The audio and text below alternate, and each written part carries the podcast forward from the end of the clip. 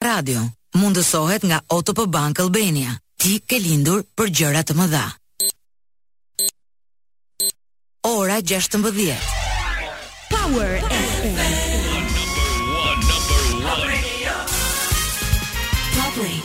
Flash në Top Albania Radio. Informacionet kryesore të ditës.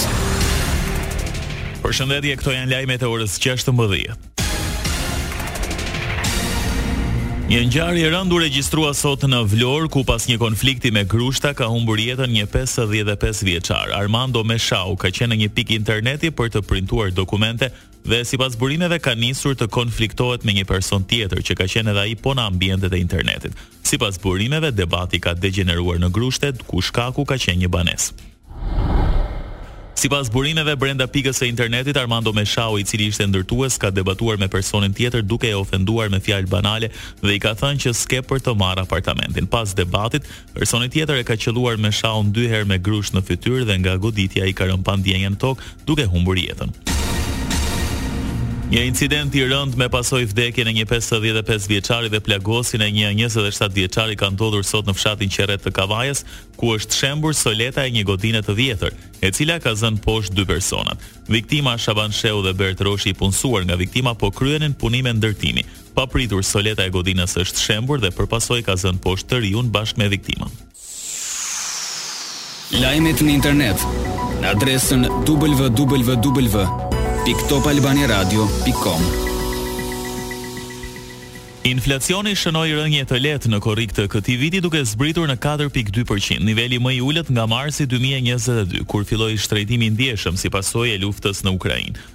Inflacioni kulmoi tetorin e kaluar në tetë pikë tre për qind për të vijuar në rënie graduale, kryesisht i ndikuar nga rënia e çmimeve të karburanteve.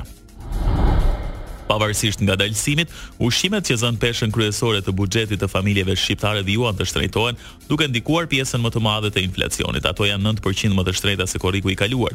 Fluksi i lartë i turistëve duket se ka ndikuar edhe në shtrenjtimin e argëtimit me çmimet nëntë pikë pesë për qind më të larta. Tentoi futjen e rreth njëqind e njëzet e dy mijë eurove të padeklaruara në portin e Durrësit pranga pronarit të një autobusi të linjës Durrës-Bari-Durrës. Po ashtu nisi procedimi penal në gjendje të lirë për drejtuesin e mjetit. Në kuadër të operacionit Fluksi u sekuestrua shuma e parave. Pas informacioneve të inteligjencës policore, mjeti u kalua në vijën e dytë për kontroll më të detajuar.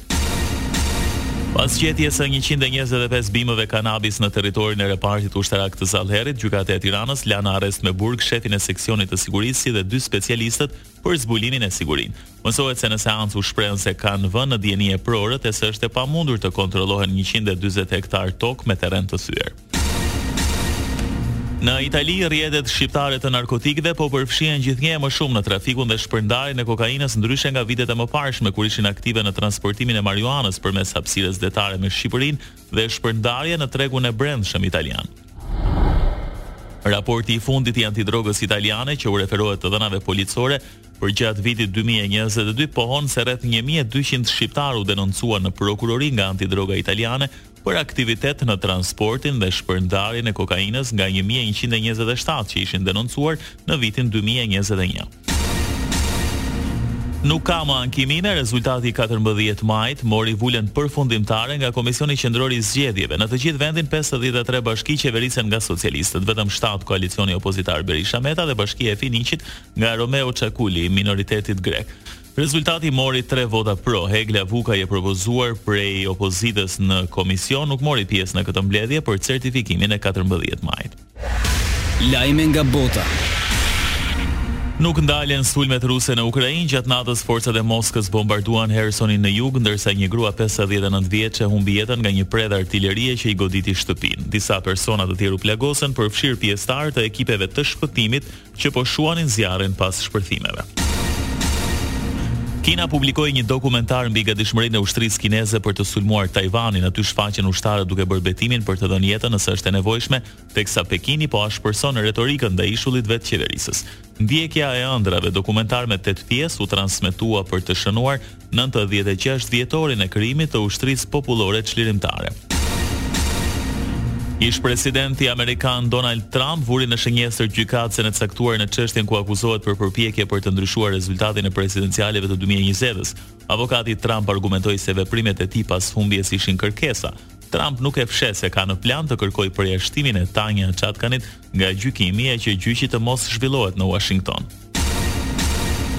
Arrijnë në të paktën njëqind miliardë euro humbjet direkte të kompanive europiane në tregun rus që nga fillimi i luftës në Ukrainë, sipas Financial Times, një sondazh i raporteve vjetore e pasqyrave financiare të dy mijë e njëzet e treshit të gjashtëqind grupeve europiane tregon se njëqind e shtatëdhjetë e gjashtë kompani përjetuan fshirje të tarifave të lidhura me këmbimin valutor e shpenzime të tjera. Kjo si rezultat i shitjes, mbylljes ose shkurtimit të operacioneve ruse. Ndoqët një përmbledhje kryesore të lajmeve të ditës, unë jam Edi Hallaçi. Kjo është Top Albania Radio.